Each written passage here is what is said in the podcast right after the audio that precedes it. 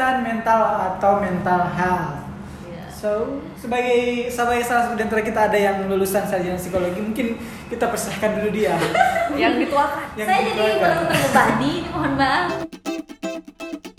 Iya, jadi eh, hari ini tema kita tentang kesehatan mental, isu yang akhir-akhir ini banyak digemari sama warganet di negara plus 62 ini. Jadi memang eh, kesehatan mental itu apa sih sebenarnya? Jadi sebenarnya gini, kesehatan itu kan ada dua, kesehatan fisik dan kesehatan psikis atau kesehatan mental. Nah, di Indonesia sendiri kesehatan mental itu baru ngetren di ya 2000-an inilah ya, maksudnya belum terlalu banyak orang yang tahu tentang itu. Sekarang sih mungkin dengan adanya sosial media jadi itu lebih banyak tersampaikan dan digaungkan. Tapi di sebelum sosial media bisa semarak sekarang ini kesehatan mental itu agak terabaikan padahal itu sama pentingnya dengan kesehatan fisik. Dianggap tabu malah ya. Iya banyak juga yang dianggap tabu benar. Itu kan kayak kesehatan jiwa tidak mementingkan hal tersebut dengan dalih hal itu mah bukan sakit mental itu mah cuma kurang sholat kali kayak gitu. Eh, Vira nyebut tadi dibilang kurang sholat itu yang sempat bukan sempat bikin saya itu berpikir Hmm. kenapa harus disangkut pautkan dengan agama gitu memang beberapa orang akan menemukan kedamaian itu ketika kita beribadah gitu Betul. Betul. saya sendiri sih eh, tapi saya tidak mau membandingkan diri saya dengan orang lain Hmm. saya nggak bisa saya tidak bisa menceritakan semua permasalahanku atau apa yang terjadi itu dengan orang atau orang terdekatku atau teman atau sahabatku gitu jadi salah satunya adalah ketika saya sholat pasti saya akan kayak curhat gitu dengan Allah terus ketika sujud atau ketika berdoa gitu akan menemukan ketenangan apalagi bisa sampai menangis. Itu hal eh, salah satu hal yang kayak mengembalikan kewarasanku gitu. Tapi orang-orang beda kan cara Iya, makanya saya cara makanya dia. saya agak kesel gitu kalau orang-orang berkomentar eh kamu kurang bersyukur kamu kurang ibadah kamu kamu sih sholatnya aja bolong-bolong kamu sih nggak pernah ke gereja kamu sih nggak pernah maksudnya kurang vihara. kamu Aja kurang kamu kurang mendekatkan diri Iya, ke Tuhanmu Tuhan, gitu-gitu betul, itu yang kayak kesel sih kenapa orang yang mengalami gangguan gitu malah di Yang sangkut disalahkan. pautkan dengan eh, dengan Dan itu juga jadi masalah Agamanya. dulu. Kenapa orang-orang malah takut untuk bicara tentang Hmm. kondisi mentalnya dia karena gimana ya takut dapat judgmental dari Hmm. orang lain katanya ah kamu kurang bersyukur kurang ibadah tadi seperti yang dibilang Tia sama Vira terus nanti dibilangin juga ih orang gila ini karena kan Hmm. konotasinya kalau orang yang ke psikolog atau psikiater itu pasti orang jiwa dan kalau orang jiwa Orang kayak jiwa. dulu Iya. orang kayak tidak enak tidak bukan tidak bagus kalau kita dibilang dilabeli sebagai orang, Orang gila. gila. dan Padahal kan maksudnya kalau orang gila itu pasti harus direhabilitasi gitu-gitu kan Ya. jadi anggapannya tuh agak nggak bagus gitu Padahal kan harusnya kita melihat eh, kesehatan mental ini sama dengan kesehatan tubuh kayak ya kalau kita sakit mental sama aja dengan kita sakit flu gitu loh. Iya. Dan sama-sama mungkin butuh obat atau butuh istirahat dan istirahat itu macam-macam. Exactly, betul sih maksudnya gini. eh, jadi kalau di kita itu kenapa kalau sekarang sih orang mulai banyak mengganti orang gila kata orang gila dengan sebutan schizofren karena memang kan gila atau gangguan mental itu kan psikologi disebutnya kan schizofren dan sekarang bahkan bukan orang-orang psikologi pun mulai paham. It- eh, itu salah satu hal yang bikin saya seneng sih. Maksudnya eh, oke sekarang mu- orang-orang mulai bisa memahami orang-orang mulai at least mereka mulai tahu dan mulai paham. Jadi tidak menggunakan konotasi negatif. Kenapa eh, banyak sekarang psikolog-psikolog atau mungkin praktisi-praktisi kesehatan mental menggaungkan mengganti atau mengganti kata kes orang gila atau orang sakit jiwa itu dengan kata schizofren karena kita tidak mau melabeli seseorang atau memberikan label kepada seseorang dan label itu malah bikin dia makin down, makin nggak bisa berkembang kayak gitu. Maksudnya eh, schizofren itu penyakit dan itu harus disembuhkan kayak gitu. Boleh tanya nggak? Jadi kayak sisko, sis, apa? Schizofren. Schizofren itu schizophrenia. Iya betul. Jadi kayak bukan aku kan nontonnya uh, Beautiful Mind itu Beautiful Mind kayak gitu. Jadi kayak maksudnya apakah memang schizophrenia itu seperti Beautiful Mind yang dilihat orang dalam bayangannya ternyata nggak ada atau itu Hmm. ada term lain? Enggak enggak, lain lagi. Kalau yang kayak Cemela bilang tadi itu ya, saya belum pernah nonton sih yang itu. eh, itu film Korea kan ya Enggak, enggak. kan itu film- yang barat film film Hol- yang iya. jago matematika itu Iya sih? iya iya jago banget matematika, Ah. tapi dia uh, tapi dia selalu melihat gitu. ya ada kayak halusinasi yang dia lihat dan dia merasa itu itu hal yang nyata Ah, sampai kayaknya I see. paling dan dia kayak lama banget nggak sadar Ah. sampai akhirnya dia kayaknya sadar terakhir tuh pas dia sadar hampir dia bunuh anaknya Hmm. dan dia sadar kalau sebenarnya dia sakit Iya itu bisa disebut schizofren sih. Eh, bisa Salah satu gejalanya yang salah satu eh, eh, Schizophrenia. eh, gangguan mental, mental, gangguan Eh, dan kalau nggak salah itu film dari kisah nyata gitu Iya. Ngomong-ngomong tadi soal yang Cemila juga bilang kalau kesehatan jiwa itu berkaitan dengan kesehatan fisik. Jadi kayak waktu itu pernah nemenin teman ke konsultasi psikolog. Dia kayak konseling, butuh konseling terus eh, saya tunggu deh dia di ruang konseling itu. Dan ternyata eh, setelah beberapa kali sesi konsultasi, sesi konseling ternyata dia mengidap penyakit kayak bukan penyakit, ya mengidap anxiety gitu. Oke. Dan ternyata karena memang saling berhubungan antara kesehatan mental dan kesehatan fisik itu, ternyata dia kesehatan fisiknya yang dia dapat adalah GERD. Jadi kayak kalau anxiety memang akan meningkatkan asam lambung. Jadi kayak memang antara fisik dan jiwa kalau misalnya salah satunya terganggu pasti akan berpengaruh satu Iya. sama lain kayak. Betul, betul. Ya, oh kalau gejala itu disebut secara kedokteran disebut psikosomatik Ya Oh, psikosomatis. Eh, jadi apa yang apa yang kita pikirkan itu kayak meng- mempengaruhi sistem tubuh kita. Kadang-kadang ya, kadang-kadang aku lihat di Twitter orang-orang membicarakan kalau oh aku men apa aduh aku gangguan mental nih. Mereka jadinya dikit-dikit "Ah, ini nih eh, apa? Anxiety. anxiety nih insecure kayak gitu mereka mendiagnosis dirinya sendiri padahal yang kayak gitu-gitu juga sebenarnya kita nggak bisa sembarangan diagnosis karena jangan sampai kita menyebutkan diri kita stres atau depresi padahal ternyata kita tidak di level itu. Kayak gitu itu juga bisa salah itu bisa parah sih kalau kata saya. Hmm. gitu.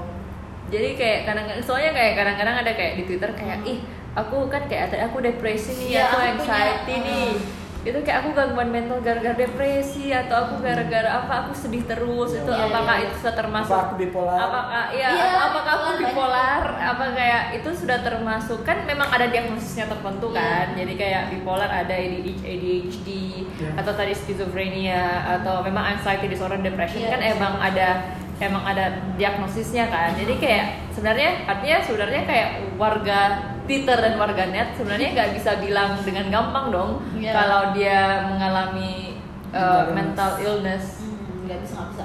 Karena eh, gini sebenarnya eh, men- kesehatan kesehatan mental itu sangat sangat sangat dipengaruhi oleh bagaimana kita dibentuk dari kita kecil sampai kita dewasa. Itu akan sangat mempengaruhi eh, kesehatan mentalnya kita kayak gitu. Jadi kalau menurut saya ya jadi kayak kenapa sekarang banyak orang yang dikit-dikit bilang saya ada bipolar saya ada PTSD kayak gitu-gitu. Karena ya itu tadi maksudnya eh, mental health itu kan isunya baru booming sekarang-sekarang ini. Dan itu isu yang menarik karena itu bisa bisa dijadikan eh, orang-orang si yang suka mendiagnosis dirinya sendiri ini sebagai apa ya kalau saya bilang itu pembenaran atas sifat atau sikap atau bukan sifat sikap dan perilaku dia yang negatif jadi kayak kalau ada perilaku dia negatif dia bisa membenarkan dia saya kan punya ini saya kan ada trauma ada Ala-ala bukan Joker trauma. itu ya?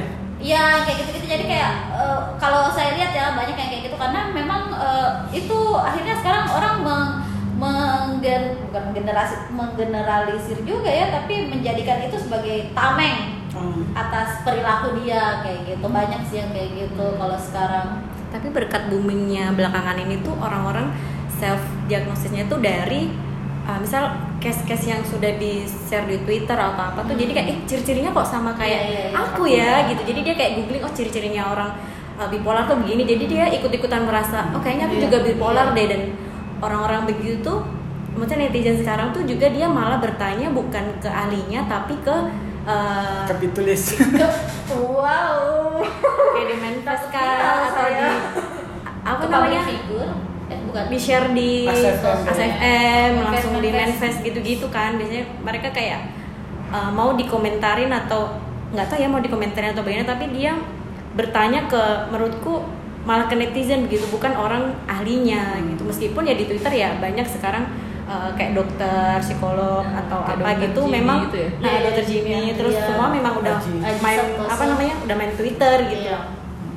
ya emang sih maksudnya antara eh, semakin semakin awarenya orang-orang dengan kesehatan mental seperti yang tadi dibilang juga bikin orang lebih meromantisasi tentang penyakit eh, gangguan mental itu jadi kayak merasa kalau dia termasuk penderita gangguan mental dari gejala-gejala yang sama dengan orang-orang sebelumnya tapi sebelumnya mau pengakuan dosa juga jadi kayak dulu sempat sempat ada di fase di mana saya juga kayak merasa self diagnose gitu Hmm. apa itu Kayaknya semua orang pernah ya mengalami itu. Gitu Jelas kayak itu. sebenarnya secara general juga bukan kayak begitu sih biasanya kan kayak Iya. ke kalau sakit fisik biasa kayak "Eh, waktu itu dulu saya share Iya. gangguan Jadi- kulit jadi tolong gangguan kulit. Kata eh, apa kulit kulit kering gitu. Terus saya cari-cari apa gejala-gejala. Oh kayak- kayaknya saya saya begini deh padahal dia penyakit biasa juga gitu ya. Jadi kayak kalau di mental eh, beberapa teman terdekat saya sempat sharing sih eh, kenapa saya kayak sempat merasa down sekali beberapa tahun terakhir.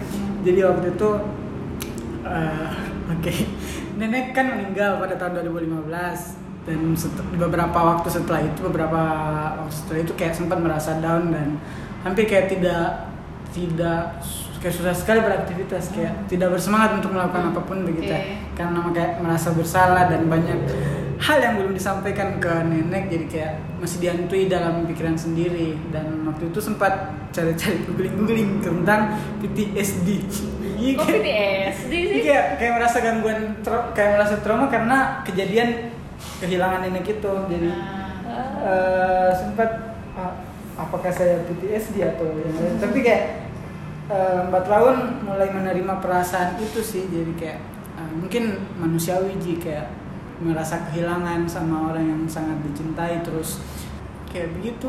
Ya memang kayak gimana sih susah Pokoknya pernah ada di fase Iya, yang merasa mendiagnosis diagnosis. diri sendiri kayak Iya. gitu ya. tapi kayaknya enggak juga Ya maksudnya Atau tidak tahu karena ya, memang sama sekali mungkin, sekarang mungkin waktu itu belum tahu Ah. jadinya karena dan akhir tapi gini mungkin waktu itu kan eh, awal udah tahu tentang isu kesehatan mental Ah. dan tapi eh, ya taunya gitu doang gitu jadi Iya. kalau ketika mengalami hal-hal yang eh, udah tahu nih membedakan ini tuh sakit mental bukan sakit fisik gitu tapi jadinya malah mendiagnosis diri sendiri Hmm. dan banyak sih yang kayak gitu aja maksudnya Hmm. mendiagnosis diri sendiri itu di era sekarang banyak banget sih. Ya, atau Google mungkin kan yang lain mudah. punya pengalaman yang sama kayak awal Kalau saya, eh, saya pernah dalam masa itu, I have hints gitu loh, kayak sedikit. Dan dibandingkan dengan, oh saya mau diagnosis eh, diriku eh, depresi nih, Ah, tapi kayak saya lebih, saya lebih sadar kalau oh saya punya signs of mental illness, I have a depressed side, Hmm. I have anxiety issues, I have trust issues, I know that, tapi kayak tapi sebenarnya saya kayak mau untuk mengetahui kayak berapa banyak tingkatannya itu dan dengan pergi ke psikiater one day. Ah, Ah, belum. hmm. ya sama sih juga kepikiran untuk begitu cuman belum. Ya untuk take test yang namanya MMPI Hmm. ya MM- MMPI itu namanya Minnesota Multifaceted Personality Inventory. Ya ini tes yang aku taunya banyak banget nomornya Hmm. harus dikerjakan semuanya. Dan itu akan di aku pernah cerita sama temanku yang dokter. Jadi dia itu di situ kayak bisa tahu uh, sifat personal personality itu seperti apa? Hmm. jadi kayak bisa tahu oh ya kau sedepresi apa kau Hmm. stress issue apa dan bagaimana caranya kau cope dengan itu gitu loh. Karena temanku itu dia pernah tes dan dia dapat hasilnya oh ternyata dia tingkat depresinya cukup tinggi tingkat trust issue-nya cukup tinggi. Tapi dia tidak kayak dia masih bisa berfungsi dalam hidup karena dia punya coping mechanism sangat bagus gitu. Dan itu bisa ditahu dari tes itu. Dan sebagai anak yang sangat curious tentu saja saya akan melihat tes itu? Tapi tapi eh, menurutku kita juga harus tahu dokter yang bagus. Ah, ya cocok-cocokan sih juga. Iya. tapi tes itu tadi pakai alat atau bagaimana? Kuesioner. Kuesioner. kuesioner. Terus dianalisis sama dokter? Dianalisis gitu ya. Soal self diagnosis kalau masalah gangguan mental health belum pernah sih mendiagnosis depresi atau bagaimana. Tapi lebih ke eh, sakit fisik.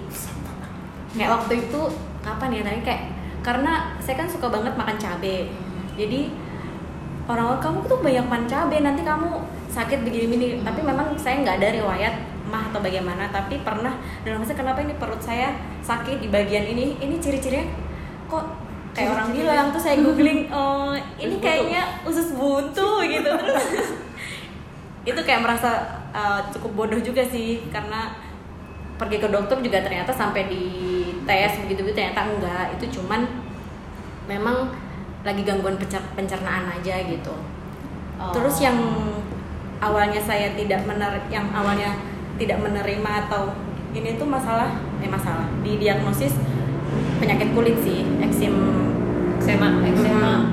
Ini kayak Jadi dulu- awalnya kan alergi gitu Ah. terus eh, awalnya saya bilang kayaknya alergi makanan biasa atau enggak apa terus sampai di diagnosis eks- eksoma itu ah apa ini? Kayak belum bisa menerima gitu. Sampai akhirnya googling sampai follow dokter kulit apa gitu. Tuh akhirnya sampai bisa menerima. Hari dari situ mulai belajar bahwa self diagnosis itu nggak bagus gitu. Kita harus pergi ke ahlinya. Misal kayak ya Hmm. kayak saya tadi case nya untuk masalah kulit eh, biar tahu apa sebetulnya ya kita harus pergi ke spesialis kulit. Kalau ngomong lagi soal kesehatan mental, sebenarnya kalau di yang umum paling umum terjadi ya masalah kesehatan mental tuh ada tiga, Eh, Stres. terus Anxiety. gangguan kecemasan atau depresif gitu ya? anxiety beda. Belum separah depresif. Oh, oke. Stres, gangguan kecemasan sama itu depresi. Depresi. Jadi memang orang nggak langsung depresi sih, biasanya emang stres. Nah, stres, stres. begitu yang jadi depresi Betul, biasanya. jadi kan stres itu kan kayak misalnya keadaan-keadaan di mana kita itu mengalami tekanan yang sangat berat, baik secara emosi maupun mental kayak gitu. Nah, eh, orang-orang yang stres ini, kenapa selalu ngomong stres? Orang-orang yang stres ini biasanya itu mereka tuh eh, gampang gelisah, cemas dan mereka mudah tersinggung. Terus itu itulah hal-hal tersebut yang bisa memicu eh, mereka nggak bisa konsentrasi. Terus mereka juga bisa eh, motivasinya tuh berkurang dan pada case-case tertentu itu bisa menimbulkan depresi kayak gitu. Nah terus kalau kayak gangguan kecemasan itu juga gangguan kecemasan juga sama itu tuh kondisi psikologis ketika kita merasa mengalami cemas cemas secara berlebihan cemas secara berlebihan dan eh, sulit dikendalikan kayak gitu. Jadi eh, gangguan kecemasan itu juga bisa berdampak buruk terhadap kehidupan kita sehari-hari dan yang terakhir itu yang tadi eh, secara umum ada tiga itu adalah depresi. Nah, depresi ini tingkatannya lebih tinggi daripada stres tadi. Kalau depresi ini udah masuk ke gangguan suasana hati itu yang bisa bikin penderitanya atau orang yang depresi ini eh, terus-terusan merasa sedih. Kadang kan kita ada bukan kita ya maksudnya ada mungkin orang-orang di luar sana yang mengalami depresi itu pasti mereka akan yang gejala-gejala awal yang mereka akan selalu rasakan adalah sedih padahal kadang mereka nggak tahu juga sedihnya tuh karena Ya. apa kayak gitu itu mungkin bisa jadi eh, akibat stres yang udah bertumpuk bertumpuk bertumpuk kayak gitu jadi eh, sangat mempengaruhi perasaan atau emosinya kayak gitu jadi dari depresi ini juga bisa tuh menyebabkan masalah-masalah fis- kesehatan fisiknya dia kayak gitu Ya sempat yang kita pernah ikut di di klub buku dia sempat dibahas kayaknya. Mm. Hmm? Karena dia kayak sempat eh, ikut di kelas meditasi, terus eh, saat cuman yang meditasinya itu ada penderita gangguan depresi dan Mm. Dia depresi atau apa kalau kurang tahu. Terus ternyata ada gang- ada masalahnya juga dengan kanker, mungkin gara-gara masalah-masalah itu jadi Oh, I kanker. see. Iya iya iya iya iya. Iya, itu itu psikosomatik sih sekali lagi. Hmm, Iya. Kecemasan tadi berawal dari gangguan kecemasan Iya, biasanya. Iya, tapi menurut gitu. WHO juga kayak Cih, pakai data WHO sekarang kita. Eh, jadi depresi itu salah satu penyebab utama disabilitas gitu loh sampai orang-orang nggak bisa ber satu ke- seperti kata Vira nggak bisa berbuat apa-apa sampai itu yang yang kena itu sampai 264 juta Hmm. jiwa di dunia. Kalau di Indonesia ada yang tahu datanya? ini kan saya cukup eh, cukup menggemari Q&A yang di Metro TV itu ya ngikutin yang masalah- Effendi. Tiap minggu itu ya? tiap minggu nah kemarin tuh sempat ada topik yang masa bahas masalah Mental mental, health. health terus Hmm. dia nyebutin data juga bahwa di Indonesia itu angka depresi itu cukup tinggi gitu itu eh, berdasarkan data dari Perhimpunan Analisis Kedokteran Jiwa Indonesia itu ada 15,6 juta 15,6 15,6 juta Itu yang tercatat. berarti? itu yang tercatat uh, di Perhimpunan Analisis Kedokteran Jiwa Indonesia dan yang bikin padahal belakangan ini kan kayak kita merasa orang-orang itu sudah cukup aware dengan kesehatan mental tapi ternyata hanya 9% yang pergi berobat gitu itu uh, berdasarkan data tahun lalu tahun 2018 Berarti datanya baru banget ya. Baru banget. Ah, benar. dan angka bunuh di ya. Indonesia tuh cukup tinggi Dan kayaknya sempat diprediksi juga kan kalau tahu beberapa tahun ke depan akan menjadi 20-an juta. Iya, jadi sangat seram. Jadi eh, di tahun 2010 aja tuh tercatat 1,6 sampai 1,8 pers per 100 ribu jiwa itu angka bunuh diri di Indonesia dan diprediksi di tahun 2020 itu akan ah, bukan akan maksudnya angkanya tuh naik drastis 2,4 2,4 juta. per 100 ribu Ya, tapi bicara tentang bunuh diri nih, WHO punya lagi WHO maaf. WHO punya kayak statistik kalau penyebab kematian di orang-orang berusia 15 sampai 29 yang tertinggi kedua itu bunuh diri loh. Setelah jatuh. Di dunia. Nggak tahu setelah apa. Tapi kayak umur kita anak-anak 15 sampai 29 tahun ini rentan. ya sangat rentan terhadap ini. Dan menurut mental itu. Mm, dan menurut kalian tuh gimana sih? Kenapa bisa yang seumuran ini yang sangat rentan terhadap bunuh diri dan sebagainya? Seperti kasusnya Suli yang barusan dari Korea itu yang tiba-tiba Iya. bunuh diri kan karena depresi dan sebagainya yang tidak juga jelaskan ke masa. Tapi salah satu penyebabnya itu menurutku karena salah satu yang berperan mungkin karena social pressure juga sih. Maksudnya Hmm, antara zaman dulu dan zaman sekarang kan sangat beda zamannya beda, sekali. Ada itu yang kasus yang sempat booming ju- bukan booming yang sempat bikin rame Indonesia yang anak-anak dia bunuh diri karena PR. dibully. Yang Iya. sempat saya share di grup yang inilah Oh. si ini anak dia masih SD yang katanya ini Oh, anak yang dapat hadiah sepeda dari Jokowi. Oh iya. Jadi dia ayahnya tuh pembunuh gitu ayahnya tuh bunuh ibunya nah Ah. akhirnya dia dia dicap sebagai anak pembunuh sedangkan Oke. dia Jadi dia kayak tertekan dan dia tinggal satu rumah memang sama si bapaknya kan Mhm. akhirnya dia memutuskan untuk bunuh diri dan dia meninggalkan sebuah surat gitu Hmm. dan dia tulis surat itu di Facebook ya kalau nggak salah Hmm.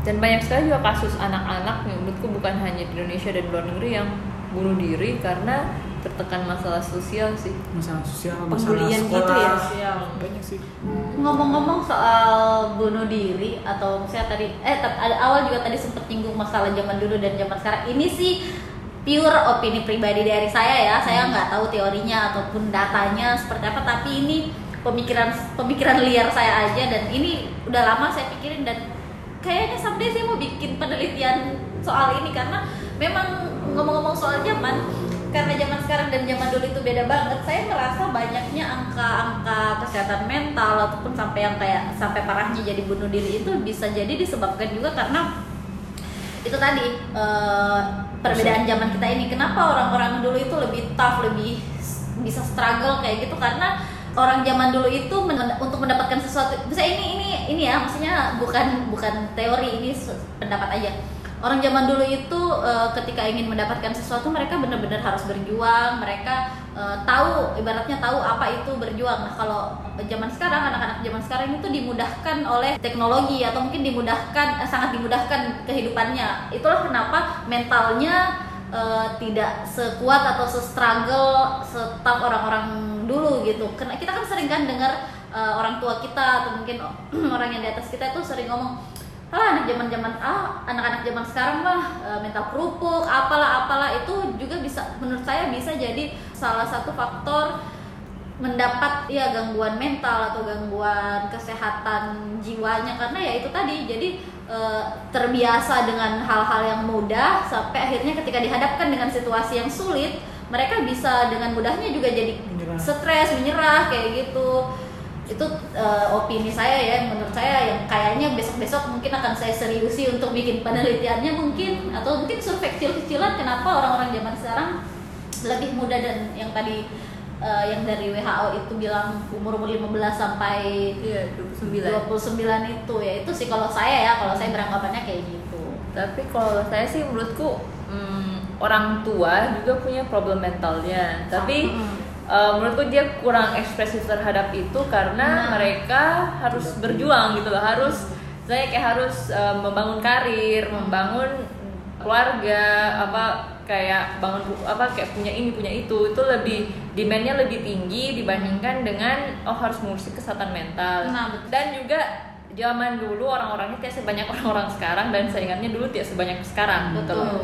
Jadi kayak jadi kayak sebenarnya susah dibandingkan dan makanya kayak saya sih sekarang lebih cenderung untuk tidak mendengarkan pendapat orang yang dewasa terhadap saya kesehatan mental karena menurutku kurang relatable Hmm. dan tidak bisa diaplikasikan sekarang karena betul. walaupun mereka mereka juga masih hidup di zaman sekarang tapi eh, dunianya mereka Berbeda. berbeda dengan dunianya kita gitu dan mereka tidak mengerti pressure-nya Anak anak zaman sekarang. sekarang itu dengan pressure-nya mereka itu beda gitu loh.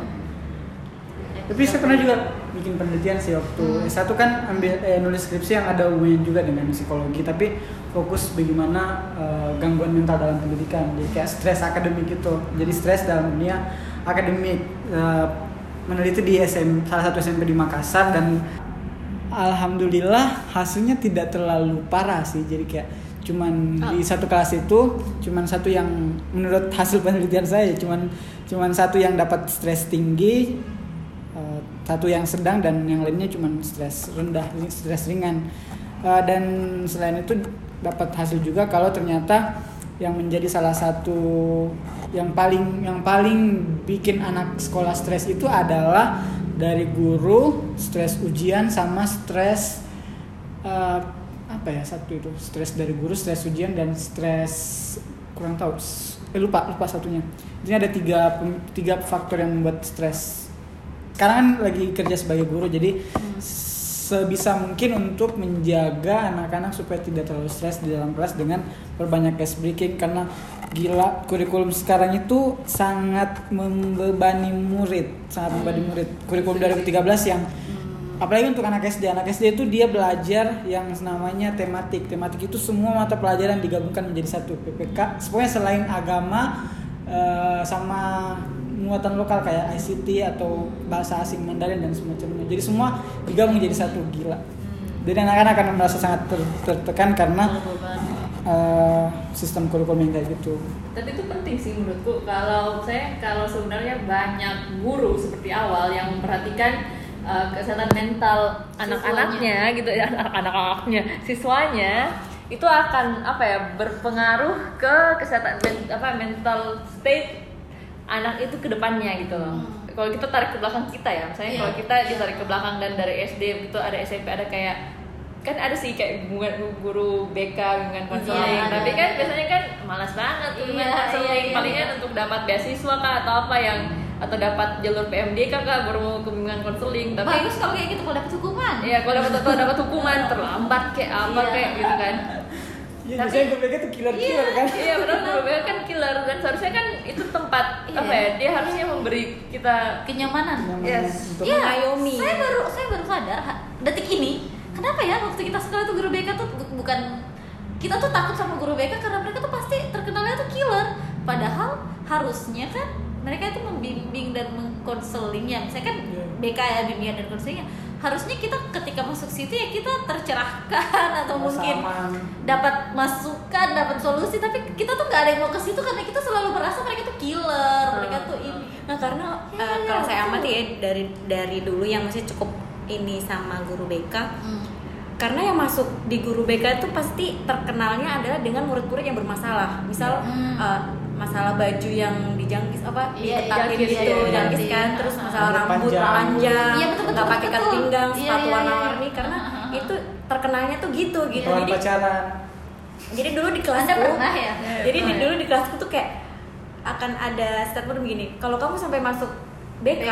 berarti kamu tuh murid yang bermasalah Sama Iya. itu dengan orang yang pergi ke psikolog. Nah, Kamu iya. orang gila. Ya, betul. tapi menurutku tuh bagus banget kayak maksudku kalau banyak kayak guru kayak awal yang menyadari itu gitu loh dan menurutku eh, kayak di pas sekolah sekolah di luar sekali lagi ada memang ada memang badan khusus yang namanya welfare center yang misalnya kalau kita lagi masalah psikologi kita bisa ke sana Oke. dan kita bisa kayak curhat atau apa dan mereka bisa menemukan solusi untuk itu dan menurutku bisa diterapkan Di Ya, kampus. Jawa kayak gitu sih kayak Oh, iya. di GM sama di UI ada sosial eh, apa kayak pusat layanan psikologi buat Hmm. mahasiswa dan itu gratis. Ya. Bisa digunakan oleh mahasiswa yang kayak butuh teman curhat atau semacamnya. Kayak di UNM juga ada, cuman eh, yang ada di UNM kalau saya tidak salah ya itu biasanya adalah peer jadi kayak sesama mahasiswa Iya. dan yang bikin kita jadi tidak enakan karena dia adalah biasanya adalah teman kita sendiri Iya. jadi kayak takut kalau eh, pandangannya ke kita akan berubah setelah kita konseling ke mereka atau dapat judge yang macam-macam Ya, kayak gitu, ya. Jadi kayak itu yang bikin kita merasa terbebani sih untuk datang ke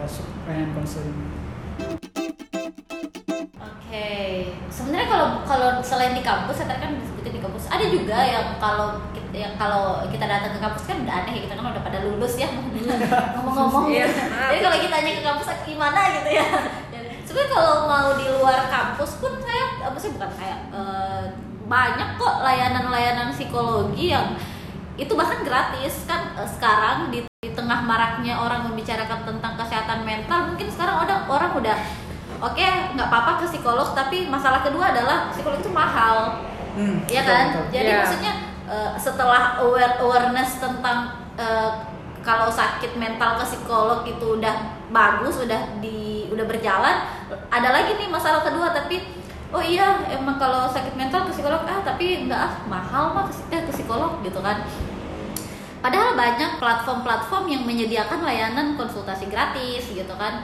Saya belum tahu kalau di Makassar bagaimana, tapi setahu saya kita yang layanan psikolognya cukup mumpuni dan cukup terjangkau di Jogja sih. Karena di puskesmas-puskesmas di Jogja itu udah ada psikolognya gitu. Kalau di Makassar saya kurang belum, belum tahu. ada kayaknya deh. Saya kurang tahu Eh, sih. puskesmas kelas A plus plus plus plus. Hmm, di, di Jogja tuh enggak kok, bahkan di puskesmas-puskesmas yang pedesaan gitu ada psikolognya. Saya pernah Dan- lihat juga sih kalau di Iya. Jawa di Jakarta kayak gitu. Mm, dan dan psikolognya itu juga bukan psikolog yang kaleng-kaleng maksudnya emang emang psikolog real psikolog kayak gitu dan itu kita bisa bayar pakai BPJS Oh, benar BPJS mengcover ya? Bisa, bisa mengcover Bisa, kayak bisa gitu mengcover. Cuman kemarin waktu temani teman ke salah satu layanan konseling di Makassar, banyak sih layanan konseling di banyak Makassar. banyak cuma sebenarnya Ya itu eh, antara 150 atau 200 ribu gitu harganya tiap konseling tiap Sekali konseling. sekali konseling terus eh, sempat juga waktu bicara waktu ngomong sama magang di tempat layanan konseling itu dia kayak kasih saran ada tempat konseling gratis di Makassar namanya Pusat Keluarga Berencana Indonesia. Tempatnya di Jalan Andi Jema katanya di situ bisa konseling gratis kalau misalnya ada yang butuh bantuan untuk Hmm. konseling. Oke.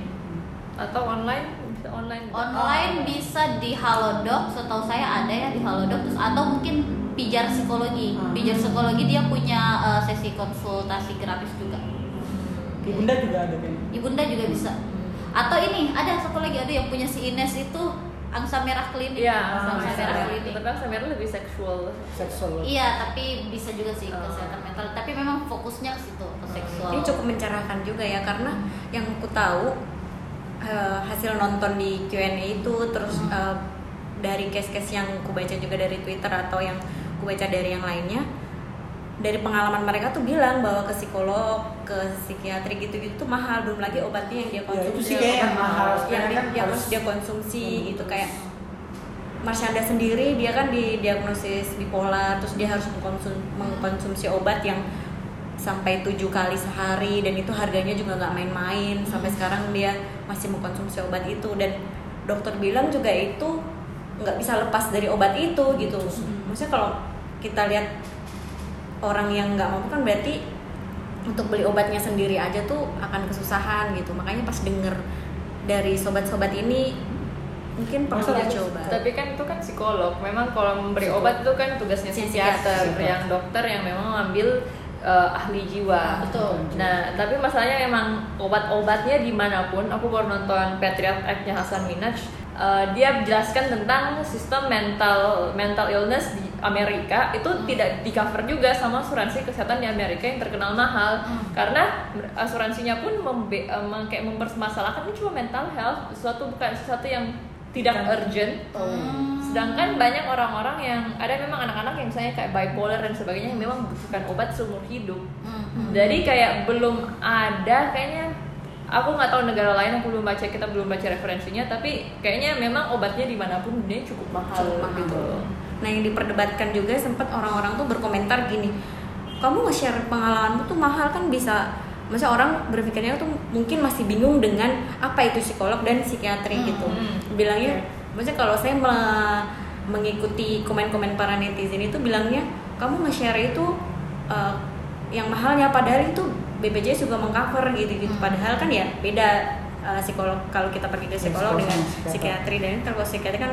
obatnya aja ya memang semahal itu gitu dan itu ternyata memang tidak di cover. ya dan memang obat cara kerjanya obat psikiatri misalnya obat antidepresi itu bagaimana caranya bekerja memang dia mematikan kayak jalur jalur apa ya jalur moodnya itu loh kayak jalur Hmm. untuk kita punya sinyal ke arah itu dia matikan sinyalnya tapi sebenarnya efeknya ke terutama ke mulut kan saya dokter gigi itu aja yang tahu itu banyak gitu loh kayak ter- salah satunya tuh kayak buat kita punya liur jadi hilang atau berkurang Hmm. jadi kayak sebenarnya Oke. kalau dikonsumsi secara jangka panjang sebenarnya efeknya buruk Hmm. Nah, tapi orang-orang ini juga makanya kayak orang-orang yang mengkonsumsi obat-obat ini sebenarnya harus di apa ya?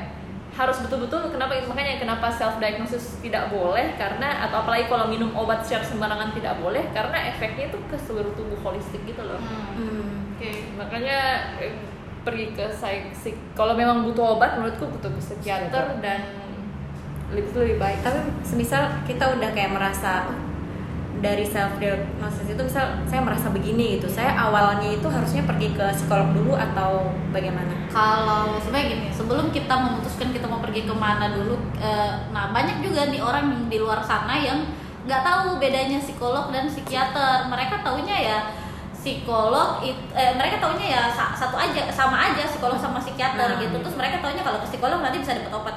Jadi padahal itu maksudnya eh, secara beririsan psikolog dan psikiater itu cuman bedanya adalah kalau dari eh kalau psikiater itu kan mereka orang-orang dari kedok- eh, kedokteran. gitu kan sekolah kedokteran yang mengambil eh, spesialisasi psikiater misalnya psikiatri kayak gitu kan kejiwaan. Nah psikolog eh, psikologi atau psikolog juga sama ada juga yang mengarah ke sana. Psikolog kan juga bermacam-macam sebenarnya. Ada psikolog industri ada psikolog pendidikan dan ada psikologi klinis. Nah, psikologi klinis ini atau psikolog klinis inilah yang paling dekat dengan psikiater atau psikiatri tersebut karena di psikologi klinis ini menangani kasus-kasus kejiwaan, mendiagnosis gejala-gejala psikologis dan melakukan psikoterapi sebagai bentuk penanganan. Kalau psiko- psikiater kan dia kasih obat, kalau psikolog itu dia nggak ngasih obat tapi dia ngasih eh, terapi kayak gitu. Konseling. Jadi kalau kon- psikologi klinis itu yang magister profesi ya psikolog gitu. Se- iya, mag- eh, semuanya ada magister profesinya. Jadi Oh. kalau di psikolog kan kita ada kalau mau jadi psikolog itu nggak boleh dari S1, kita harus lanjut dulu eh, ke jenjang pendidikan S2 magister profesi psikologi. Nah, magister profesi psikologi ini terbagi-bagi lagi. Kamu mau jadi magister profesi psikologi yang mana? Eh, mapro kita biasanya kalau anak psikologi bilangnya mapro, mapro pendidikan kah? Eh, mapro industri, industri kan bisa orang yang kerja di ya HRD kayak gitu kan. Eh, satu pun bisa sih sebagai HRD, cuman ada S2-nya juga gitu kan. Nah, terus juga atau eh, mapro klinis gitu. Itu Map- yang psikolog yang tempat konseling. Betul. Kalau yang mapro klinis inilah kemudian yang eh, jadi yang biasanya kasih konsultasi-konsultasi kayak gitu. Itu sebabnya kenapa psikolog itu berkompeten melakukan serentetan tes psikologi. Nah, tes psikologi tes psikologi ini nantinya akan diinterpretasikan sebagai jawaban yang dialami oleh pasien tersebut. Misalnya ada tes IQ, tes minat dan bakat, tes kepribadian dan kawan-kawannya. Terus juga itu psikolog itu nggak bisa meresepkan obat, tapi psikolog itu fokus di terapi psikososialnya untuk perilaku, pikiran dan emosi pasien. Itu kan pengobatan-pengobatan yang sangat direkomendasikan di dunia medis sih. Iya. Tapi ada pengobatan, bukan pengobatan sih, tapi treatment yang sering dilakukan dan orang-orang sangat salah kaprah terhadap ini yaitu pemasungan. Iya. Kayak orang-orang siswa yang keluarganya yang dipasung karena dianggap malu atau Hmm, banyak memalukan ke keluarga atau uh, memang karena dirasa sudah tidak ada harapan lagi dia bisa hidup dengan uh, normal seperti orang lain. Hmm. Jadi waktu kemarin volunteer di Ubud di Ubud Writers and Readers Festival ada satu sesi di mana satu pembicaranya itu adalah uh, sutradara film kayak ya film, film filmmaker lah. Dia bikin dokumenter tentang bagaimana kondisi orang-orang di orang dengan gangguan jiwa di Bali di seluruh Oh. Pulau Bali dan ada satu tempat yang ada satu yayasan yang merehabilitasi tapi beberapa di beberapa tempat di Bali eh, orang-orang itu yang terkena gangguan jiwa dia dipasung sama keluarganya sendiri dan sangat menyedihkan karena kayak dipasung kakinya, dipasung tangannya dan tidak bisa ke mana-mana, tidak tidak bisa bergerak sama sekali, jadi kayak tidak berdaya. Hmm. Dan yang membuat kita semua terenyuh waktu lihat film itu pas terakhir dia pas terakhir di sharing session dia bilang saya orang yang tidak paham tentang dunia kedokteran jiwa dan medis tapi saya percaya kalau mereka tetap punya harapan untuk bisa sembuh dan bukan hanya dunia medis yang bisa menyembuhkan itu tapi bagaimana cara kita menjadikan memanusiakan mereka dan memberikan kasih sayang itu bisa membuat mereka juga sembuh jiwanya